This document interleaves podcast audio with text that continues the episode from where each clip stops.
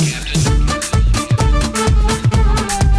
Tarda, Albert Murillo i equip GD. Aquesta versió que sentim és de les guapes, eh? I no la punxo perquè sí, que també molaria, sinó per parlar-vos de la nova secció del programa Cabret Elèctric, a la qual us heu de subscriure ja. Es diu Personal Belongis, amb l'escriptor, guionista i crític de cinema Rubén Lardín, un home que acumula moltes coses a casa durant dècades en plan Blasco, però la diferència és que cada setmana porta un artefacte al programa, o un sac d'artefactes, i els regala als oients d'ICAT. Bogeria! El primer regal, una maqueta de El Falcó Milenari. Mira, Sí. contiene alrededor de 110 partes. Y es del, del 1900 1983, del Retorno del Jedi, y es una d'aquestes maquetes com per, per, per muntar i pintar. I... No és un juguete montable, no, és una maqueta de professional. Sí, o sigui, s'ha de currar aquí.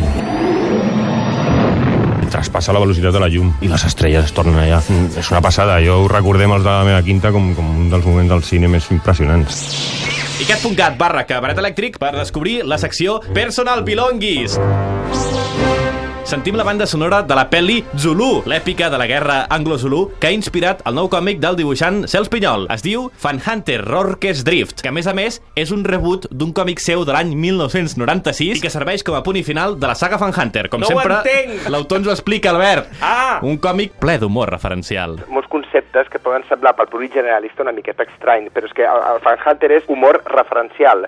O, els protagonistes són els fans de, de totes aquestes obres de ficció, doncs el cinema, els còmics, eh, els jocs... El que passa és que per la versió digital hem afegit un glossari on s'expliquen la majoria d'aquestes referències. A xarxes socials també, la gent pot documentar-se bé sobre aquests personatges. Teniu també l'opció de compra digital amb extras i l'opció de sentir gratis l'entrevista sencera a icat.cat barra els experts, on també hem tingut aquesta setmana un altre dibuixant, l'argentí Ricardo Siri Liniers, a qui li hem demanat que ens dibuixi el seu personatge felí, el gatet Fellini. Me, me tocó una, una situación medio extraña de comer con Milo Manara, ¿no? Que es un ¿Qué dios? héroe absoluto mío. Sí. Pero también era muy amigo de Federico Fellini, habían trabajado juntos y tal. Do- Dos saltos solo de, de- relación con Fellini. Yo tenía mi tapa de Macanudo 3 con Fellini en la tapa y le digo, se lo regalo, pero le dije como medio pidiéndole disculpas. Quiero decir que el gato este que dibujo se llama Fellini, pero... eh, y afortunadamente se puso contento y lo, lo tomó. L'entrevista sencera al dibuixant Liniers, acompanyat del seu amic, el músic argentí Kevin Johansen, a icat.cat. Què, t'ha agradat compartir una estona amb ells, Albert Miralles, que et veig aquí molt calladet? Molt,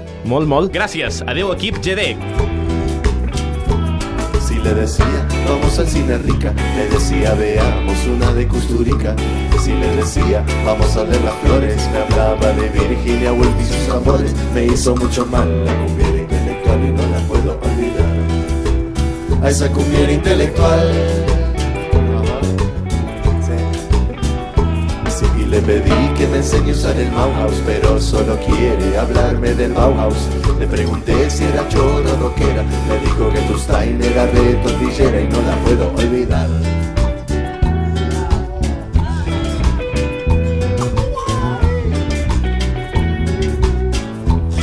Me hace daño yo no quiero que piense tanto. Cumbiera intelectual, yo voy a rezarle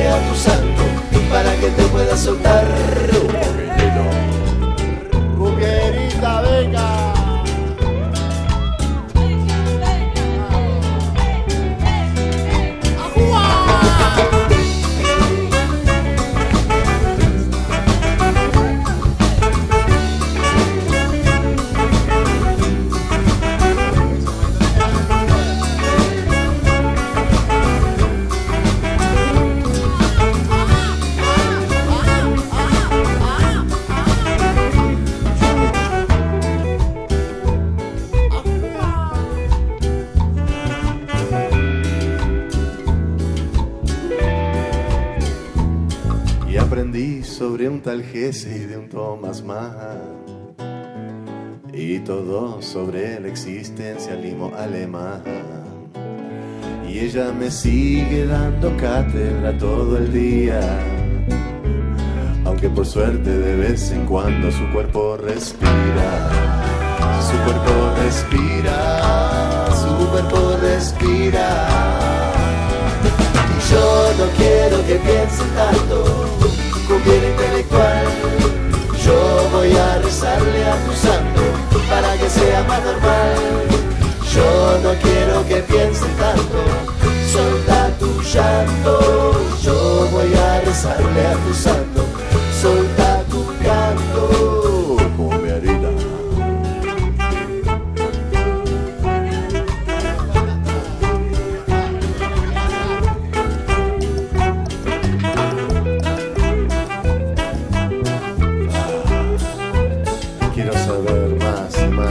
intelectuales. Gilda Visconti, Visconti, Tuela Zarpina